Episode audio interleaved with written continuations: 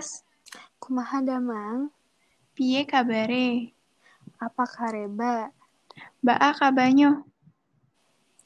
apa kabar? Selamat datang di podcast kita. Perkenalkan, nama aku Natalia dan Nama aku Nisinta, kita berdua dari kelas 11 MIPA 2.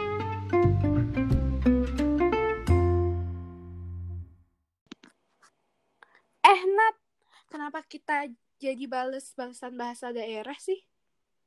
karena tema kita hari ini tuh tentang keberagaman bahasa di Indonesia. Tapi tahu nggak sih, yang tadi kita sebutin itu baru sebagian kecil dari bahasa daerah di Indonesia. Hah? Emangnya bahasa daerah yang ada di Indonesia tuh ada berapa banyak sih?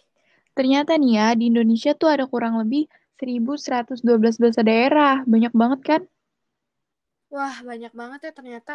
Gue nggak nyangka kalau misalkan bahasa daerah di Indonesia bakal sebanyak itu.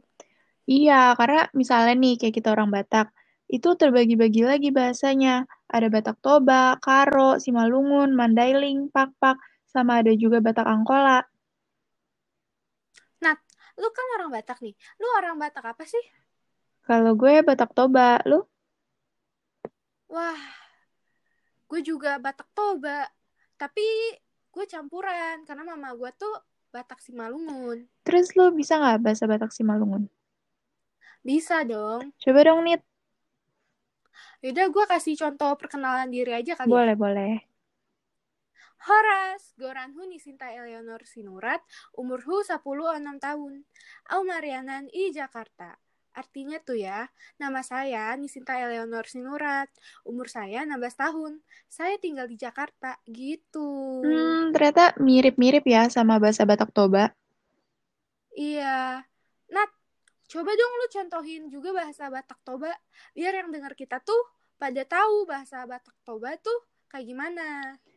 Boleh, boleh. Horas, gue Arhu Natalia, umurku 16 tahun, Maringanan di Jakarta. Artinya sama kayak lu tadi, buat perkenalan. Wah, iya bener mirip banget ya. Mm-mm. Eh, Nit, lu pernah denger gak sih bahasa kasar sama bahasa halus? Itu maksudnya gimana sih? Kayak bakso ya, ada kasar sama halus. Itu malu aja yang lapar. Emang ada, emang ada sebenarnya tuh. Jadi, bahasa Jawa ini ada bahasa Jawa kasar dan juga ada bahasa Jawa halus. Bahasa Jawa kasar itu biasanya digunakan untuk berkomunikasi antar teman sebaya untuk memberikan kesan akrab. Contohnya kayak kita gini. Oh, biar asik gitu ya. Iya, sedangkan bahasa Jawa halus itu biasanya digunakan untuk orang yang lebih tinggi posisinya dari kita atau yang umurnya lebih tua dari kita. Contohnya tuh orang tua kita. Oh gitu. Kalau menurut lu sebenarnya ada nggak sih keuntungan Indonesia tuh punya banyak bahasa daerah? Ada.